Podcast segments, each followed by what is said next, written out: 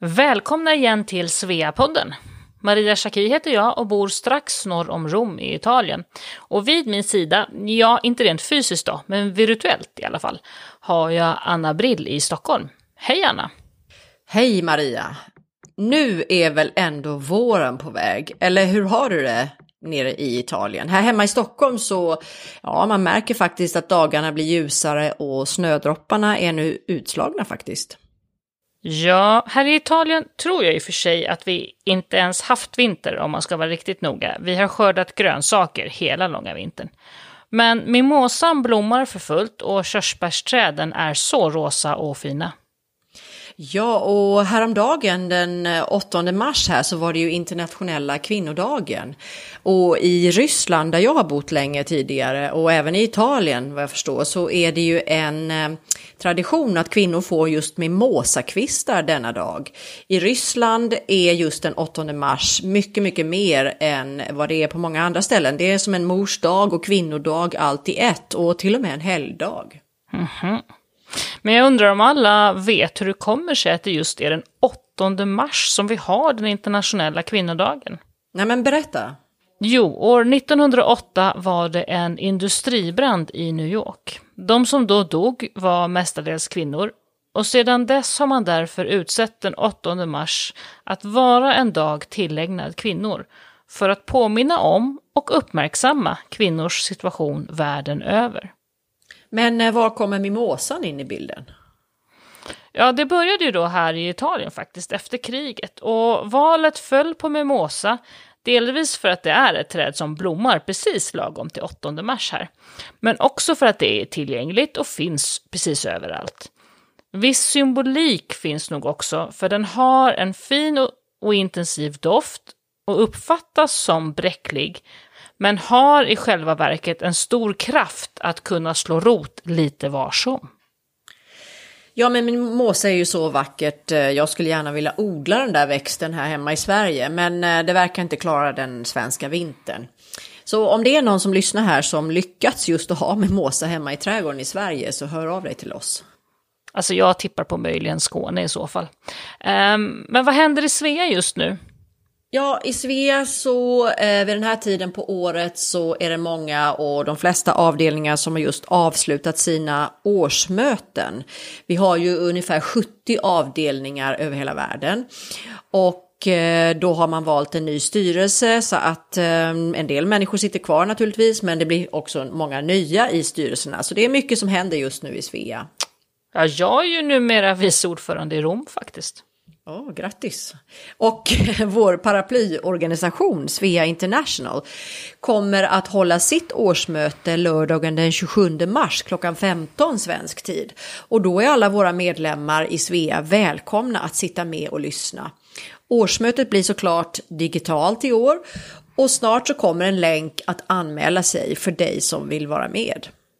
Men eh, nu till dagens gäst här, Eva Steinbach en superexpert som bott utanför Sverige under 25 års tid i länder som Kina, Belgien, Indien, Panama, Ryssland, Vietnam och nu Bangkok i Thailand. Och hon har dessutom haft med sig familjen, make och tre pojkar som alltså vuxit upp över hela världen. Eh, det är intressant att lyssna på Evas tankar om hur hon har fått ihop livet utomlands med barnen, att vara medföljande och hur man får allt att fungera. Eh, och jag tycker att det är viktigt det som Eva säger om hur viktigt det är att man pratar om att vara överens om villkoren när man gör sånt här. För det är liksom förutsättningen för att kunna njuta av upplevelsen. Ja, Eva är ett bra exempel tycker jag på en person som har en eh, rätt inställning till utlandslivet. Ta chansen om den kommer och testa livet i ett annat land. Ha en positiv attityd och försök se det bästa i det landet som du kommer till. Och sen så också jätteviktigt, precis som du nämnde, att eh, prata igenom med sin partner. Att man har en plan för både ekonomin och för framtiden. Spännande också när hon berättar om coronahanteringen i Thailand och om sin eh, sjukhusupplevelse. Mm, men nu ska vi inte avslöja för mycket i förväg här, utan vi kör igång avsnittet istället. Här kommer Eva Steinbach.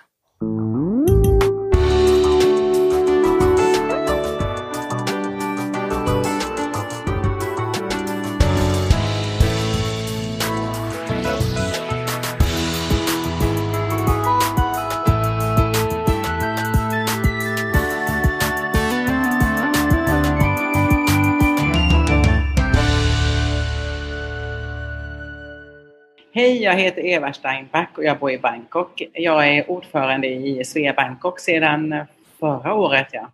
Och nu har jag blivit nyvald ordförande för ett, ytterligare ett år och jag är jättestolt och glad över det. Hej Eva och varmt välkommen till Sveapodden. Så kul att få träffa dig igen och eh, vi sågs ju i Moskva där vi bodde tillsammans. Jag var ordförande för Svea där under en tid och du var vice och redaktör för vår tidning och det var väl någon gång Ja, du har ju en sån lista här på alla ställen du har bott, men det var någon gång 2007, 8, 9, 10. Mm. Ja, det stämmer. Det var en spännande tid, men nu tänkte vi att eh, vi börjar med att prata lite med dig om Thailand, där du bor nu.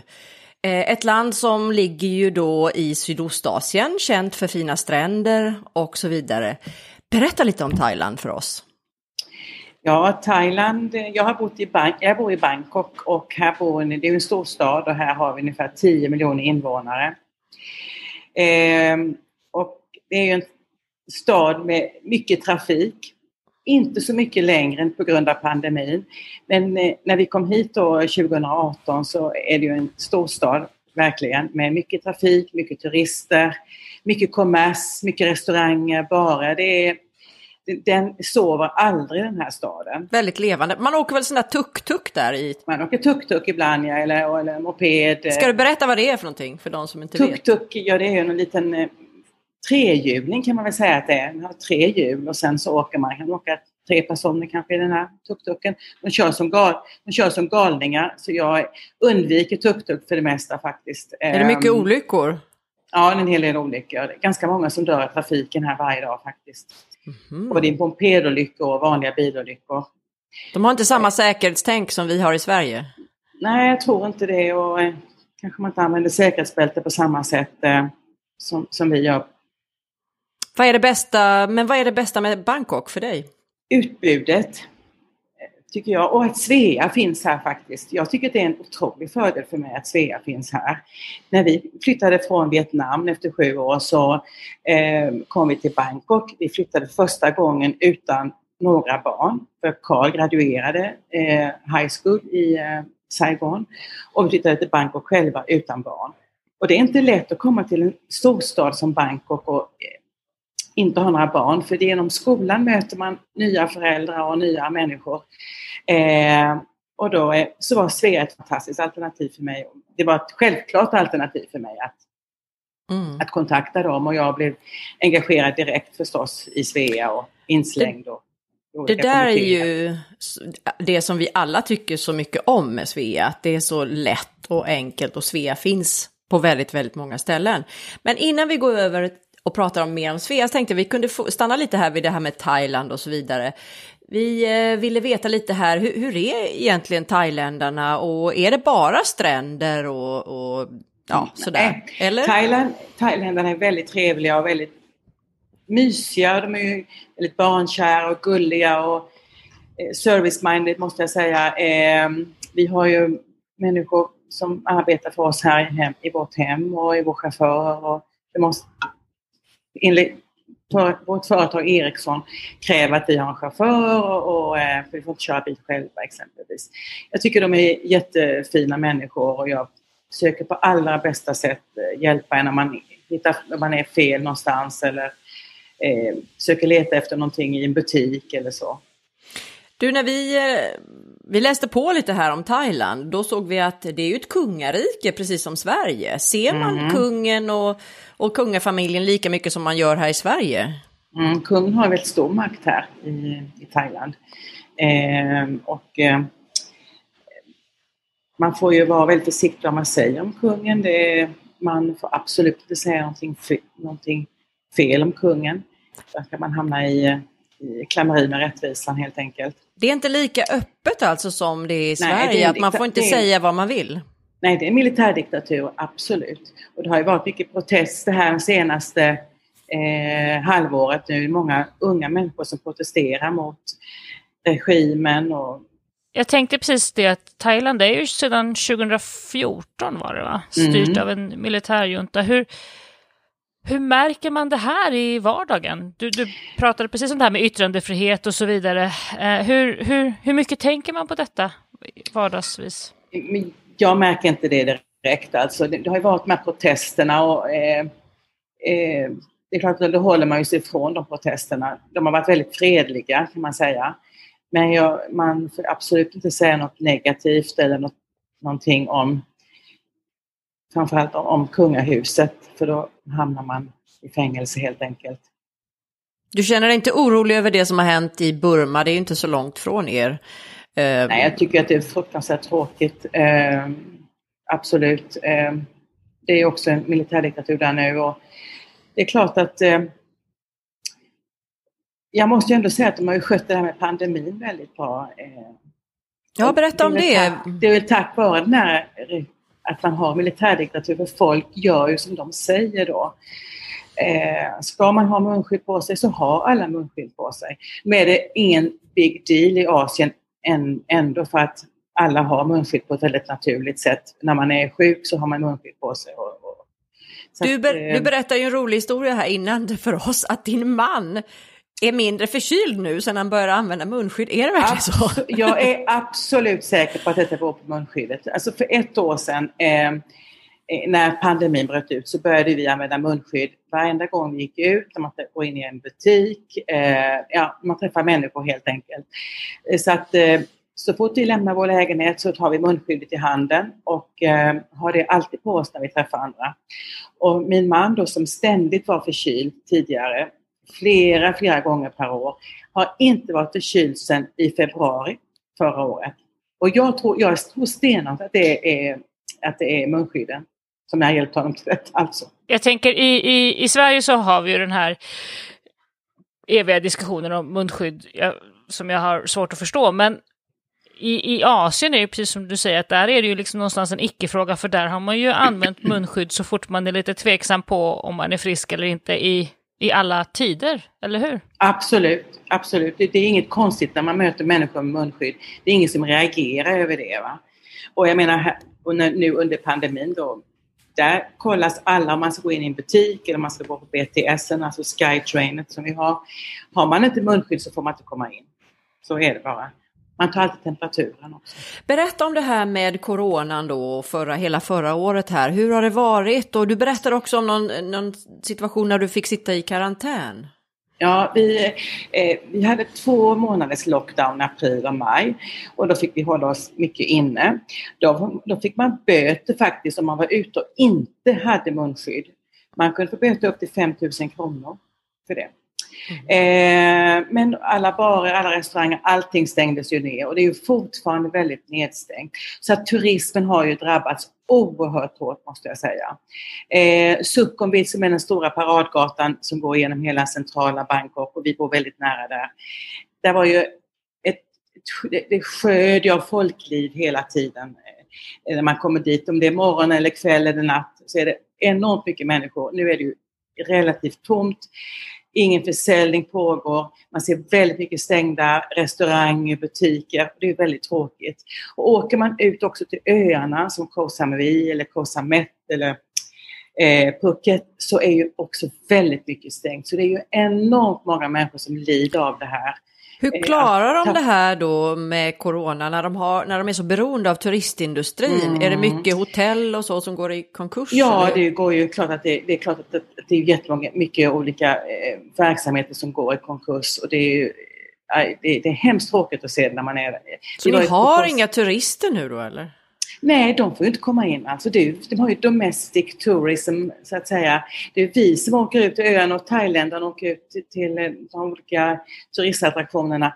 Eh, och det har, de har försökt då att eh, eh man får, eh, speciellt thailändarna får då speciella eh, tariffer som för hotell och som de kan, så de betalar mindre för sina hotellvistelser än vad kanske vi gör som expert.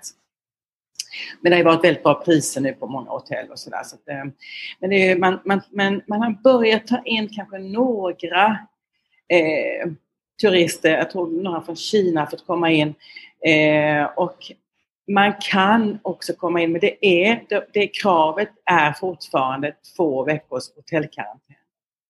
Och berätta om det, du, du själv satt själv i karantän. Var du hemma mm. i Sverige då eller hur ja, var det? både Micke och jag åkte hem i, till som, i somras eh, till Sverige och eh, jag var hemma under två månader. Eh, jag var tvungen att åka hem till pojkarna och så kände bara det. Eh, men när vi då skulle åka tillbaka så var det en enorm pappersexercis och man fick göra covid-test och det ena och det andra och det ja, var väldigt mycket papper. Sen kom vi då tillbaka hit och då blir, hade vi bestämt innan ett karantänhotell. Och då hade vi vår eh, chaufför som körde dit då massa träningssaker till oss och, eh, eh och lite andra kläder. Eh, Coke Zero, smugglade in lite vin till och med eh, och så, så att vi skulle klara oss. Men jag, jag tyckte faktiskt att det, vi, bodde, vi bodde i ett rum. Man kunde ju ha valt ett dyrare alternativ med två rum och så. Men vi bodde i ett rum, Nick och jag. Och eh, det en, jag tror på rutiner och vi klarade detta hur bra som helst. Så vi hade våra rutiner med morgonträning och så var det arbete, så var det lunch och sen var det eftermiddagsarbete och sen träning igen. Och man fick, efter fyra dagar så fick vi gå ut en timme i deras lilla stenträdgård. Och där, eh, då passade vi på att gå 8000 steg. Eh, då på, I den här lilla trädgården, fram och tillbaka, fram och tillbaka.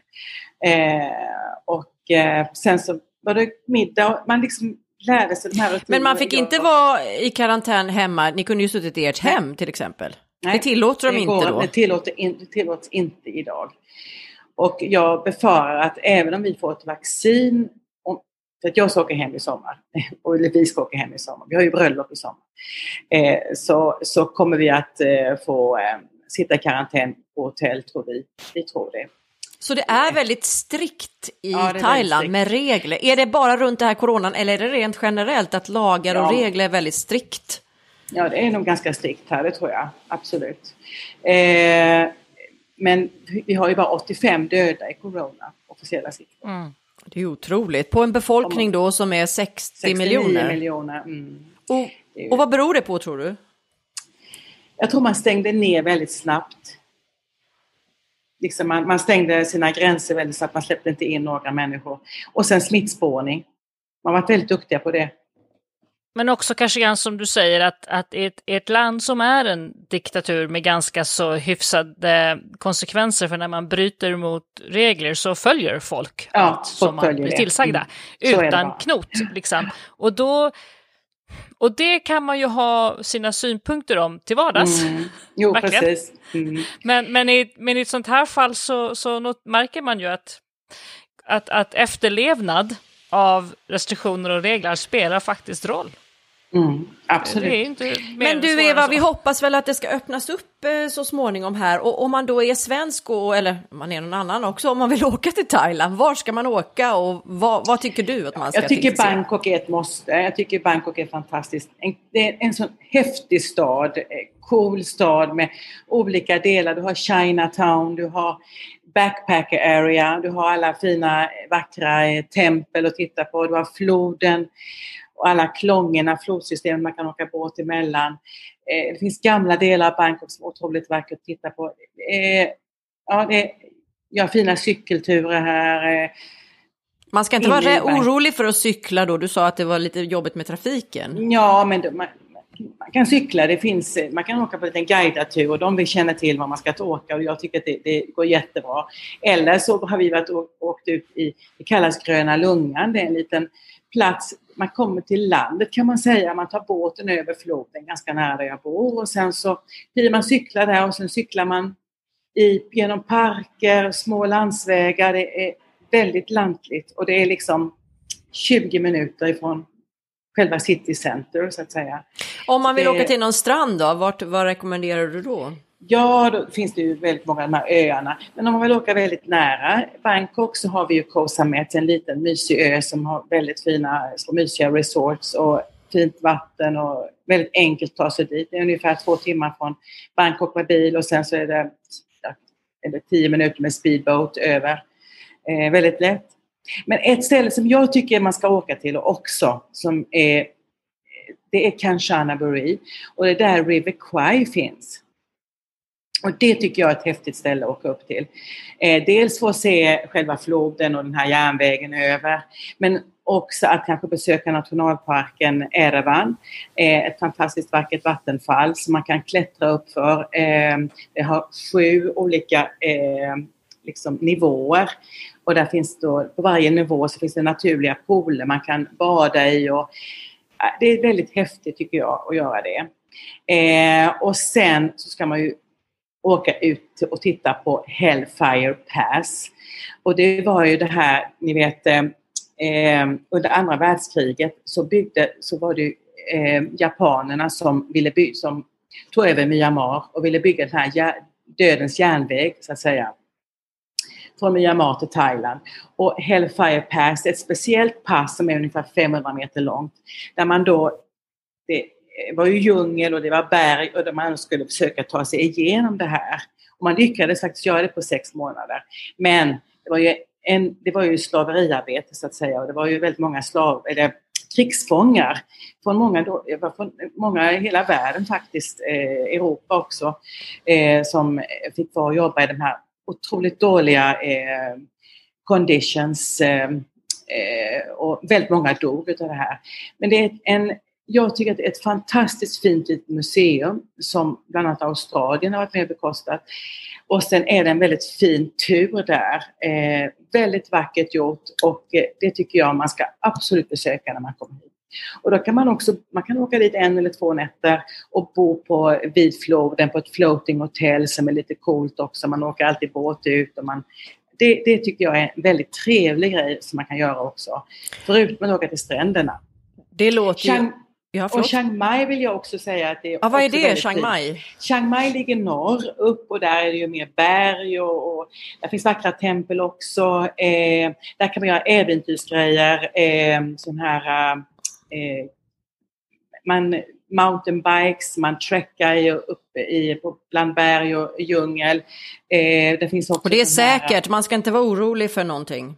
Sådär. Nej, ja, vi har gjort tracking, vi har haft, vi har haft guide med oss och så. Och det, jag tycker man kan, jag kan rekommendera att man ska ha no, åka med någon, eller anlita någon eh, event... Eh, företag, ja. Eh, ja, företag som man kan eh, göra det. Så vi har trackat och vi har åkt mountainbikes ner för berg och så. Det var jättekul grejer alltså. Och, man, och där hittar man ju väldigt fina små hotell också, resort som är... Men du, um, många tänker ju ändå på stränderna och Phuket och det här. Men mm. eh, jag tänker varje gång jag tänker boka en resa till Thailand, jag har tänkt på det några gånger, då tänker jag alltid på det där med tsunamin, den läskiga mm. händelsen 2004. Ja. Ska man vara rädd för det nu och är det någon, ska man vara på östra eller västra sidan eller spelar det ingen roll? Kan det hända igen? Jag tror inte Vad det spelar någon roll. Ja, det tror jag. Det kan säkert hända igen. Men nu har de ett varningssystem som jag tror på faktiskt. Att, man, att det kommer att varna så folk har eh, chans att förflytta sig från där man då är på resorten och upp.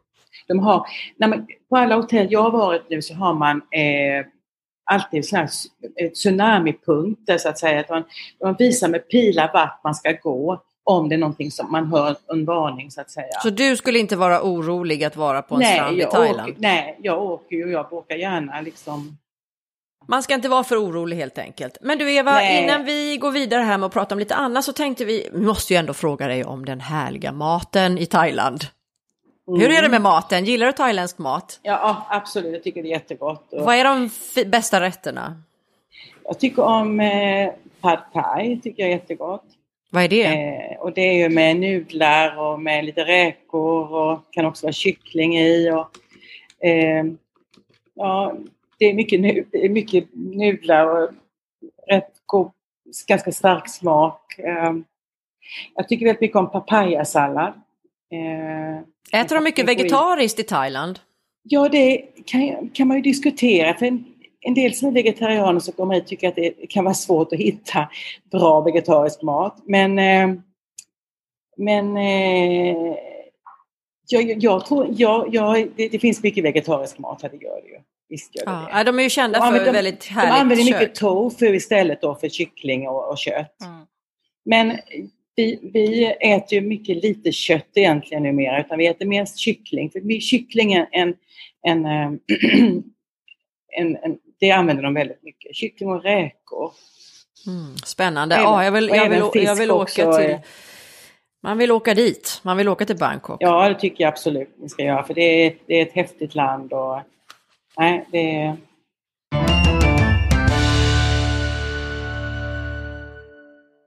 Men varför ska man gå med i Svea när man bor utomlands? Ja, men Svea är ju en otroligt trevlig och bra organisation. För det första så får du ju över 6 000 nya vänner direkt som bor över hela världen i 33 olika länder. Och naturligtvis lokalt så får du ett stort utbud av fina aktiviteter via din lokala Svea-avdelning. Bor man inte precis där det finns en Svea-avdelning så kan man bli medlem i Svea ändå via Svea Global. Alla Sveor har tillgång till onlineföreläsningar. Våra slutna grupper på Facebook, Svea Världen till exempel, där vi delar Svea-relaterade bilder och information. Svea Professional, en annan sluten grupp, där man eh, kan prata om karriär och arbetsliv med andra Sveor. Och så har vi Svea Art, en sluten grupp för alla konstintresserade Sveor. Och så finns det en grupp eh, som handlar om barn som heter Svea Bus diskussion. Bra va? Ja men så här är det verkligen. Man får en massa nya vänner direkt, både lokalt och globalt. Eh, jag har tänkt på det så ofta under det här året nere i Rom som varit mitt första med Svea, att jag fått så många nya vänner. Både här runt Rom, där jag bor, men också över hela världen. Jag ser fram emot att kunna resa igen. Jag vill hälsa på alla mina nya vänner. Ja, för att inte tala om de otroligt trevliga världsmötena som Svea International arrangerar vartannat år under några dagar tillsammans med en lokal avdelning. Och då kommer många medlemmar med och reser dit och deltar då i otroligt fina program och föreläsningar, turistattraktioner med mera.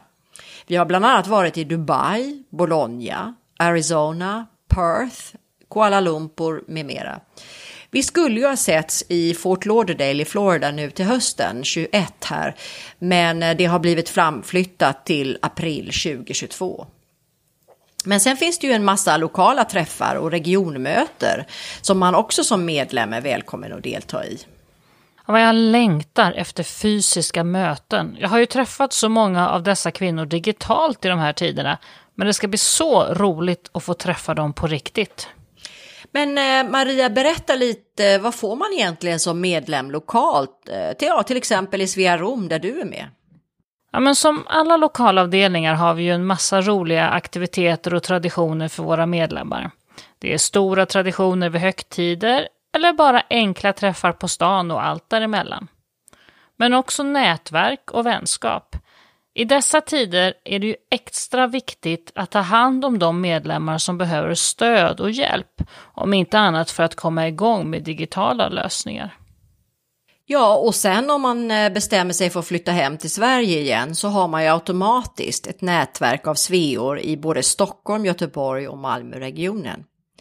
Men sen har vi ju också en betydande verksamhet för dig som jobbar och är intresserad av karriär. Vi har ju Svea Professional som är ett initiativ med föreläsningar lokalt men också online. Plus att vi har en sluten eh, grupp på Facebook som, där du som medlem kan nätverka och få stöd och råd. Jag hade faktiskt hört talas om Svea tidigare vid en kortare utlandsvistelse, men kom inte riktigt för att bli medlem den gången. Men att Svea var så här bra att vara med i hade jag ingen aning om tidigare. Gå in på vår hemsida svea.org och bli medlem du också.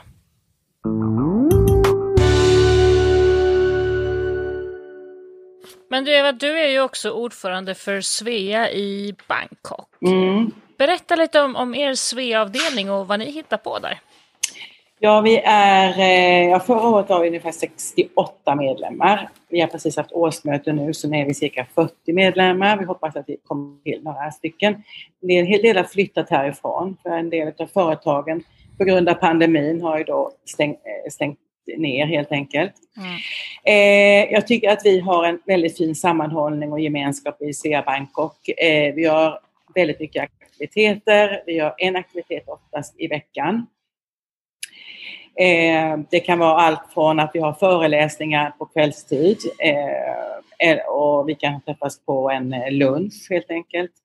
Eh, vi har eh, workshops, vi har haft makramékurs, vi har haft blomsterbildning, eh, fotokurser. Eh, och nu kör ni många av de här grejerna online eller? Ja, vi har haft en del under april och maj förra året körde vi bara Zoom och då hade vi bakningskurser, vi hade matlagningskurser, vi hade makramékurs, vi hade föreläsning med Childhood Foundation i Stockholm bland annat. Så vi har gjort väldigt varierat. Men nu såg jag att ni hade årsmötet på riktigt så att säga. Många avdelningar ja. har ju online, men ni hade på riktigt så man får träffas nu igen. Ja, vi får träffas här och vi hade en liten nedstängning här i januari men öppnades upp i början på februari igen. Och nu har skolorna öppnat, bara restauranger öppnar mer och mer. Eh, och eh, vi hade vårt årsmöte i torsdags och vi var på det svenska residenset för första gången på de här 20 åren som Sveabank har funnits. Och det var ju så fint och trevligt att komma dit. Och eh, vi har ambassadören hälsade oss välkommen. Vi har en ny ambassadör här. Och hans fru var vår gästtalare som också, hon är, hon är också ambassadör men då är, är nu medföljande. Hon har jobbat tidigare i Jordanien bland annat. Så det var en väldigt fin och trevlig tillställning. När man följer ert Instagramkonto så ser det ut som att det är full aktivitet. Ni yogar, åker båt och vandrar. Och, ja, vi ja, gör väldigt fart. mycket olika saker. Och, eh, vårt mål är att ha en aktivitet i veckan och det tycker vi är lagom. Vi, vi hade, när jag gick med i Svea så var jag, jag ordförande i programgruppen ganska snart och då körde det blev det var lite för mycket aktivitet, det var två, tre aktiviteter och då märkte vi att nej, det blev det för lite deltagare på varje aktivitet. Så nu kör vi en aktivitet i, eh, i eh, veckan och, det är, och då har vi ett ganska bra antal som kommer med, tycker vi. Så att det, de gör ett jättejobb, eh, den nya programgruppen och det är, nej, det är jätte, jättekul. Men Eva, vi ville också backa och höra lite såklart om dig var du kommer ifrån. Berätta! Mm. Jag kommer från eh, Karlskrona, du hör min dialekt. Eh, med ären kan man inte släppa. Eh, jag är uppvuxen i ett litet samhälle utanför Karlskrona som heter Jämjö. Med mamma och pappa och jag är äldst av fem flickor.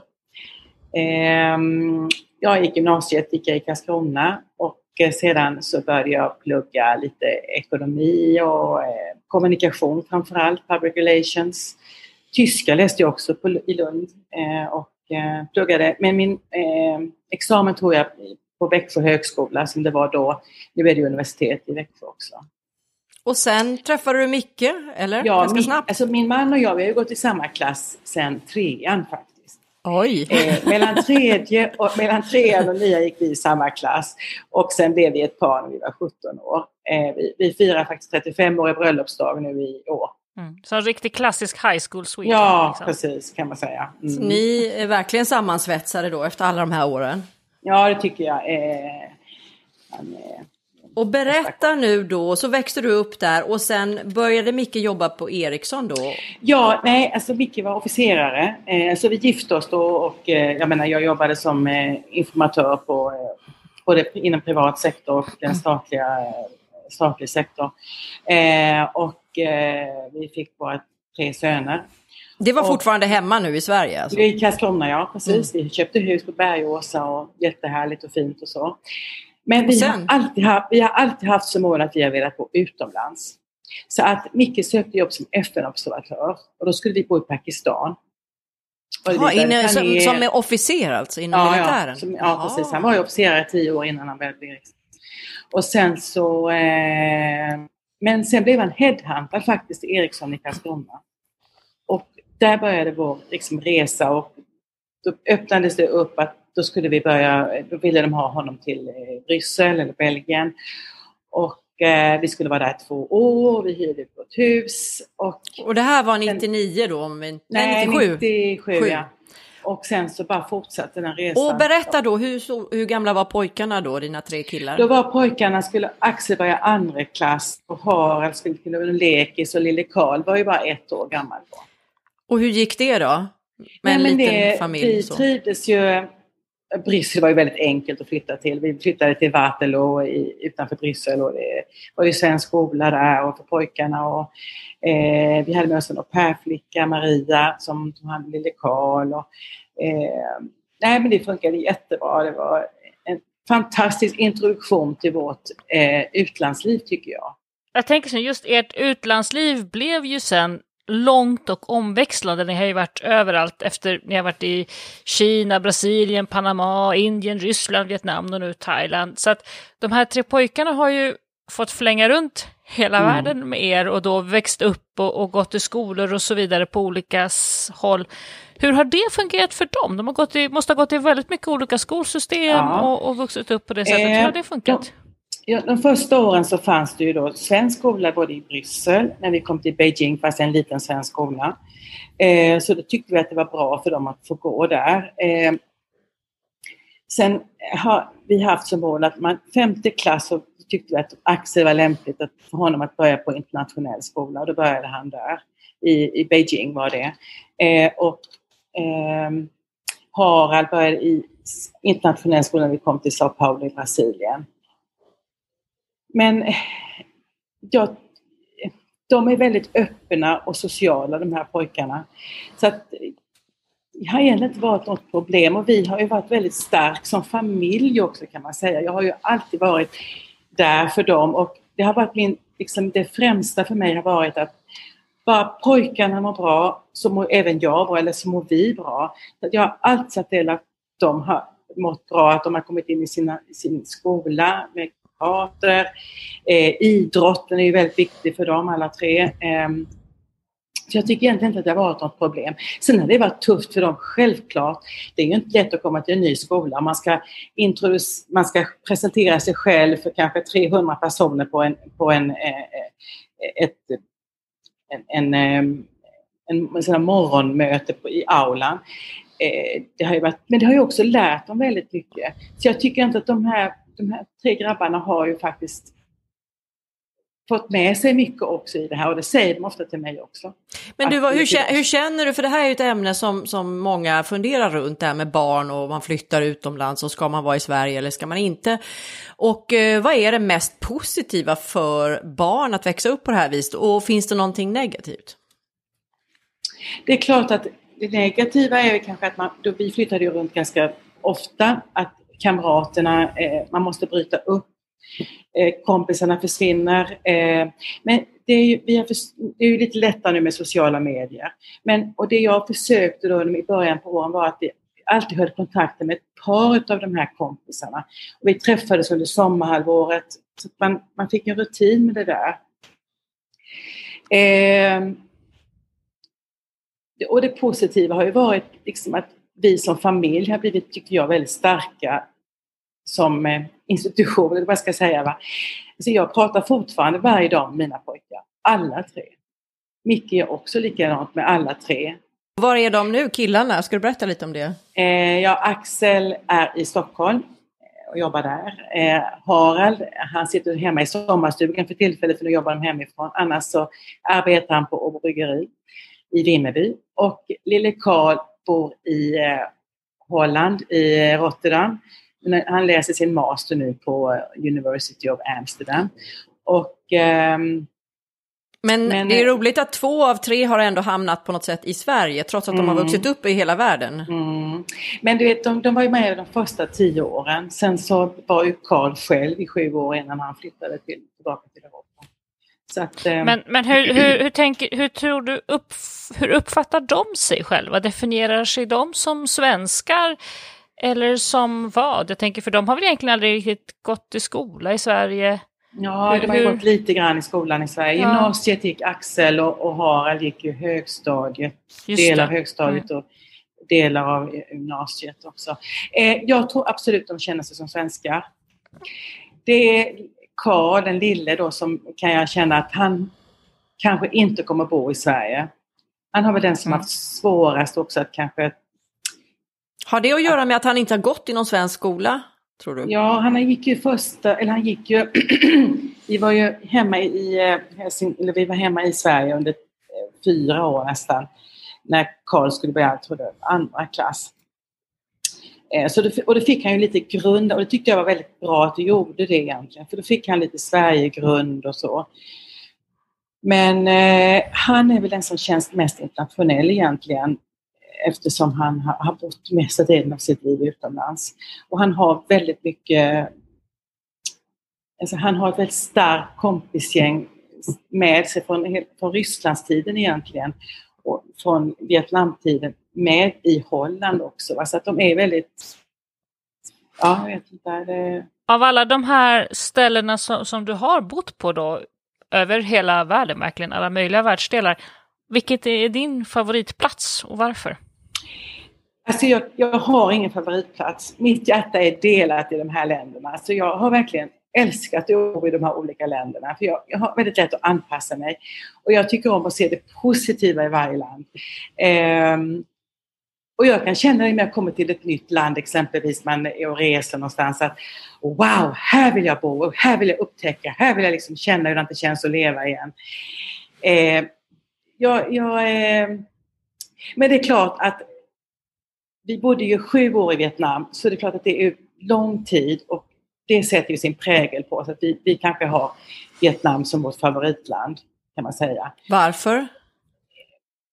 Jag tror det är tiden. Och det var väldigt enkelt att bo där. Ehm, det är en storstad, Saigon, men det är ändå en liten stad på något sätt. Det var väldigt lätt att ta sig överallt. Och jag körde min moppe i, där vi bodde och Nej, det, det var väldigt du, enkelt. Du är modig. Har de inte trafikolyckor där i Thailand? Ja, men, Eller vad säger Vietnam? Men de kör väldigt sakta, så det var inte så farligt ah. då när vi bodde där. Det ändras väldigt snabbt. Här skulle jag inte våga köra moppe i, i Bangkok för trafiken är mycket, mycket mer aggressiv tycker jag. Och, och du, eh, de här ställena du har bott på, Kina, Brasilien, Panama, Ryssland, Vietnam. Eh, Fanns Svea där på de flesta ställena? Nej, inte? Eh, nej, det har det inte varit. Eh, Svea, jag, jag blev medlem första gången i Svea i, i Beijing som precis startade upp då när jag kom dit där. Jag blev suppleant i styrelsen på någonting. Var det Margareta Sterner som var ordförande, en härlig kvinna som introducerade mig till Svea. Och eh, sen kom vi till Brasilien, fanns inget Svea, men jag har alltid blivit medlem i något kvinnligt nätverk, eh, internationellt nätverk. Och jag tycker det är viktigt att, att jag tycker om att stötta dem också. Va? Även om jag inte går på allt så tycker jag det är viktigt att stötta de här föreningarna. Eh, men så fort det har varit Svea så har jag ju klart, självklart blivit medlem. Eh, så det var det ju då Ryssland. Eh, men det är, ju, det är ju kan man säga ett bra tips för folk som flyttar utomlands att bli medlem i Svea. Eller absolut. om det inte finns Svea då kanske någonting annat. Det för det är så man säkert... träffar människor. Ja absolut, det finns, om det inte finns Svea jag vet när vi bodde i Indien så fanns det ju, vi hade vi ett nordiska eh, kvinnonätverk som hette Nora. Eh, med både danska, norska och svenska, det var också jättetrevligt. Eh, men jag vet att man har försökt starta Svea i, i Indien. Va? Jag tror inte man har lyckats än, men nu har ju pandemin Nej, det, kommit i... Det kanske kommit kommer. I, ja, vi, vi men, men, du har ju, du har ju varit eh, medföljande då under alla de här åren eh, och Micke har arbetat. Eh, hur tänker du nu då efter alla de här åren om det här? Skulle du ha velat arbeta och, och går det ens att arbeta och ha barn och bo utomlands på de här platserna du har varit? Hur tänker du så här i efterhand om allt det här? Ja, men jag, jag har alltid engagerat mig väldigt mycket. Jag tycker att jag har arbetat liksom... Jag har tagit allt ansvaret hemma. Eh, liksom för planering och sådär. Sen är Micke väldigt, han är en väldigt modern eh, man som alltid har hjälpt till väldigt mycket hemma hos oss.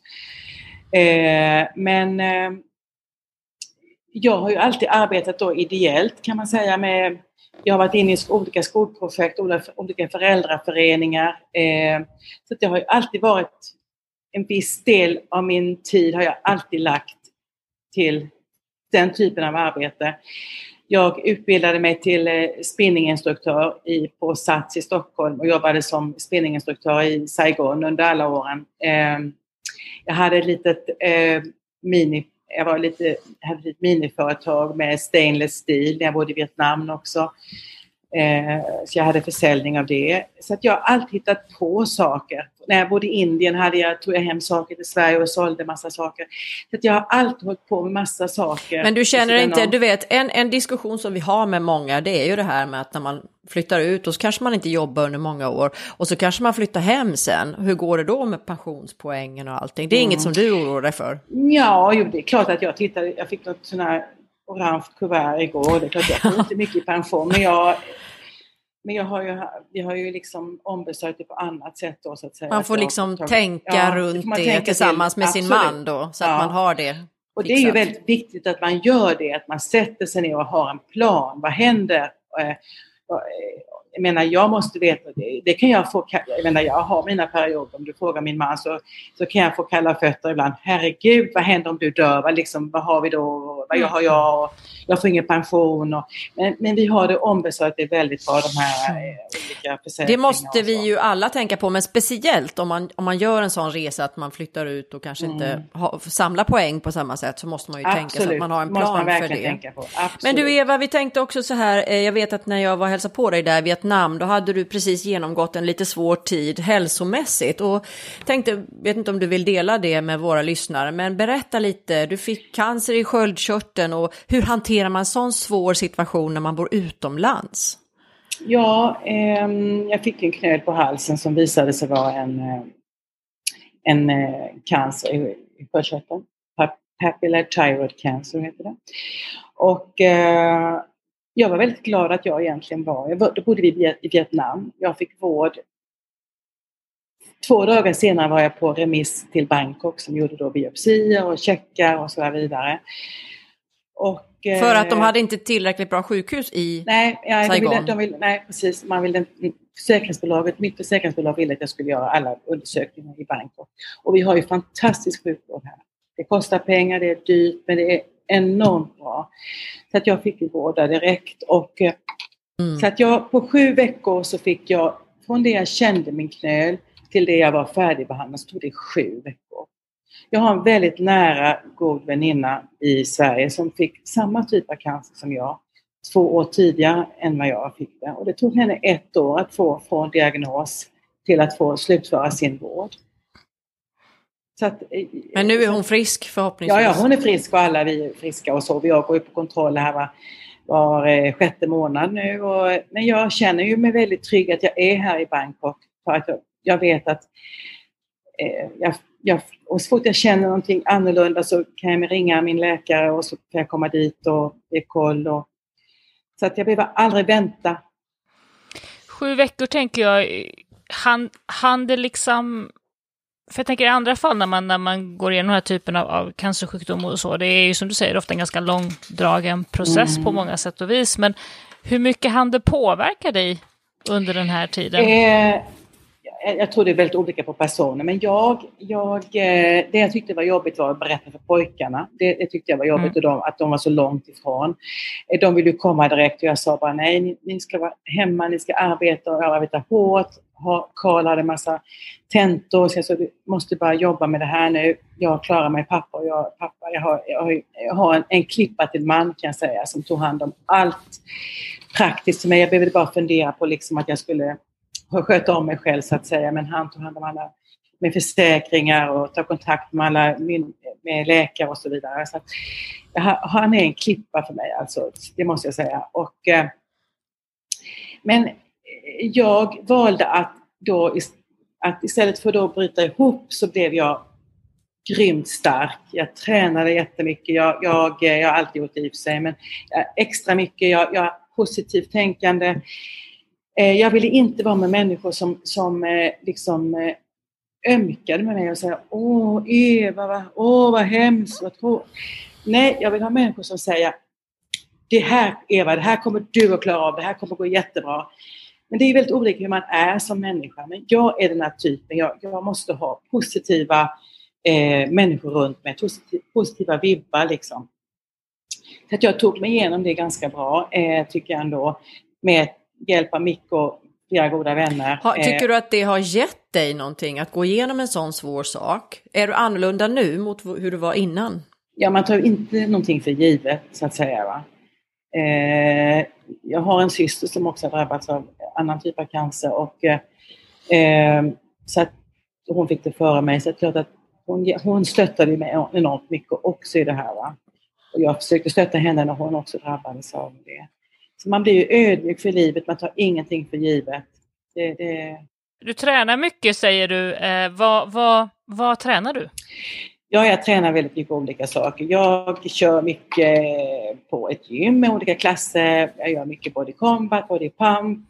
Jag älskar muay thai, thaiboxning tycker jag är jättekul. Oh, berätta, berätta, vad är det thaiboxning? Det känner vi inte ja, till. Thaiboxning, det, det är, ja, man, man boxas och man sparkar och man kickar och man använder armbågar och eh, händer och, och fötter och knän. Det är en grymt bra träning. Man blir väldigt trött. Och då kör du med någon thailändsk Ja, då kör man en thailändsk tränare? Ja, precis. Eh, så, det, så det är något du rekommenderar till fler kvinnor att testa på? Ja, jättekul. Och jag kör med min, jag har en väldigt nära eh, engelsk väninna och vi kör all träning tillsammans kan jag säga. Så ni kör thaiboxning med, mot varandra eller? Nej, nej, nej, nej, alltid med tränare. Men Aha. det innebär ju också en väldigt lång uppvärmning så man är ganska trött innan man börjar boxas också. Men eh, det är jättekul det är verkligen. Och alltid när jag kommer till hotell eller så resort så vill jag alltid ha en privatlektion med muay thai. Jag tycker det är jättekul. Just för det är, så, det är så, man kör igenom hela kroppen och man blir otroligt eh, trött av det. Du, det låter jättespännande. Jag vill också testa. Du, mm. Eh, vi vet ju att du är ju hemma här i Sverige på somrarna i Blekinge mm. och ni har mycket familj och sådär. Vad är dina tankar om Sverige nu så här efter nästan 25 år utomlands? Jo, men jag vill ju komma tillbaka där. Jag vill ju vara nära mina pojkar i Sverige och eh, nära i Europa alltså. Eh, för kommer kanske inte bo i Sverige. Eh, så att jag tror att vi kommer nog att flytta hem så småningom till Sverige och eh, till Blekinge då, eller vad tänker du? Ja, jag skulle kunna tänka mig att bo lite i Stockholm också. Jag gillar Stockholm. Ja. Men eh, får vi se. Det är så dyrt med lägenheter. Tänk, tänker du att Sverige har ändrats mycket sen du flyttade ut? Och, nu har ju du varit hemma under åren också, men tycker du att Sverige har ändrats mycket? Det är klart att det är... Det har ju hänt en hel del i Sverige, och, måste, måste jag säga med. Alltså, alla länder förändras ju på 25 år. Ja, det gör man ju. Liksom, det är ju... Men ser du på det annorlunda nu än innan du stack ut tror du?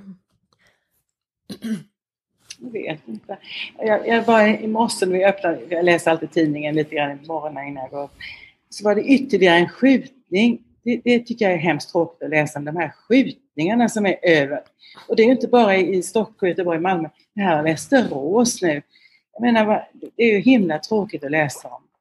Alla dessa gäng som har bildats. Det var ju inte när vi flyttade, när vi flyttade ut på något sätt på det viset.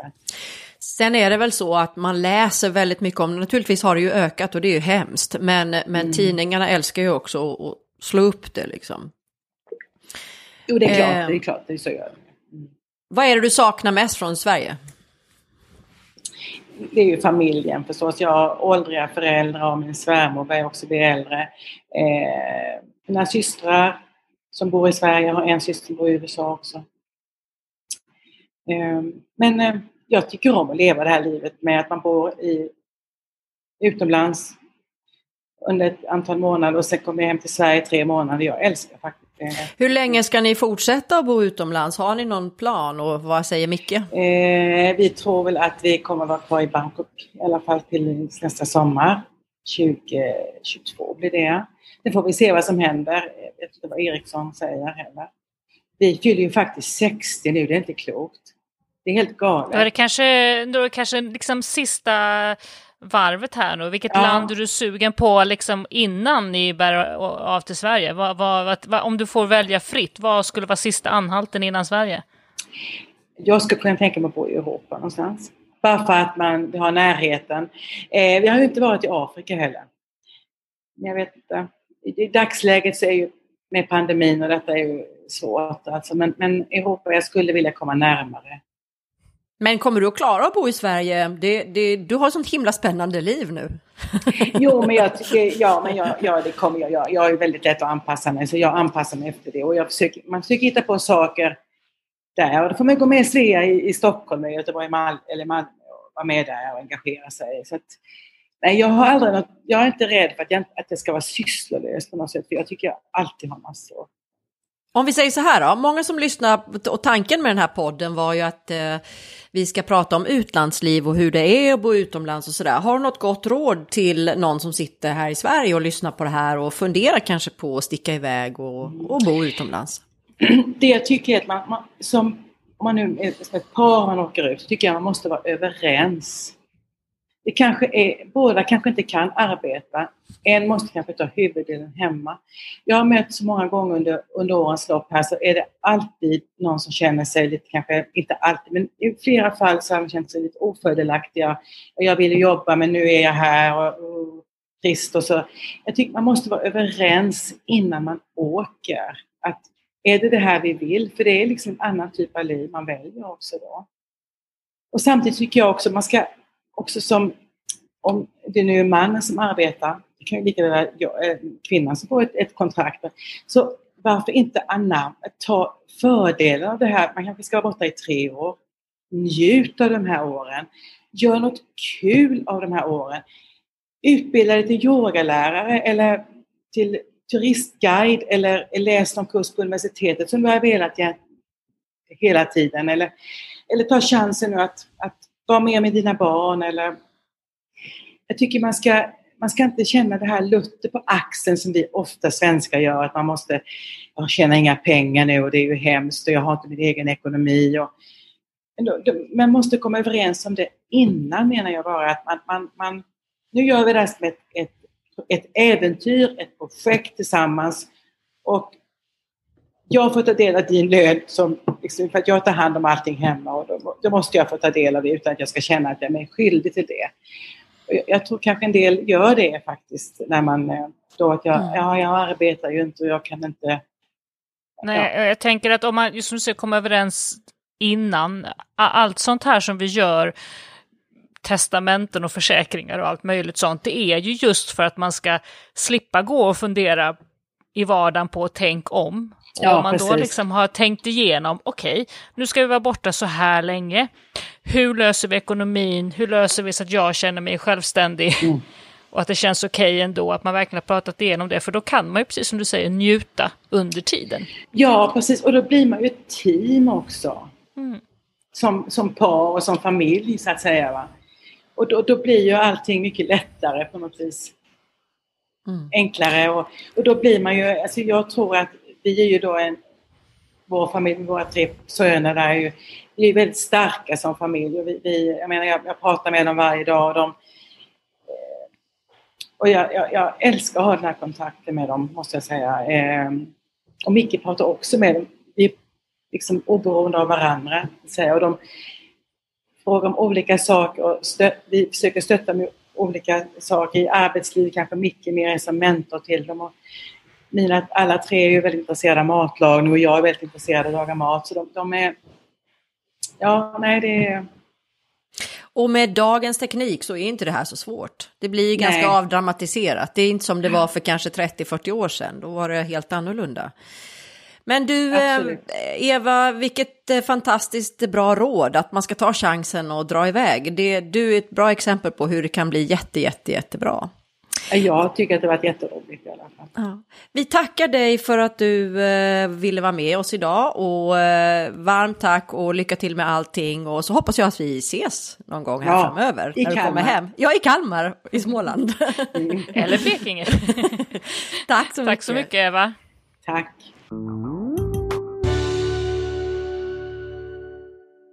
Tack för att du har lyssnat. Den här podden är inspelad och producerad för Svea International av Anna Brill och Maria Schacki. Musiken är skriven för Svea av Fredrik Åkerblom. Svea-podden finns nu på de allra flesta ställen där du hittar poddar. Eh, Apple Podcasts, Google Podcasts, Spotify, Acast och alla de här. Om du saknar något ställe, skicka ett mejl till oss på sveapodden gmail.com. Mer information om Svea hittar du på vår webbplats svea.org och i sociala medier där vi finns på Facebook, Instagram och LinkedIn och där hittar du oss som Svea International.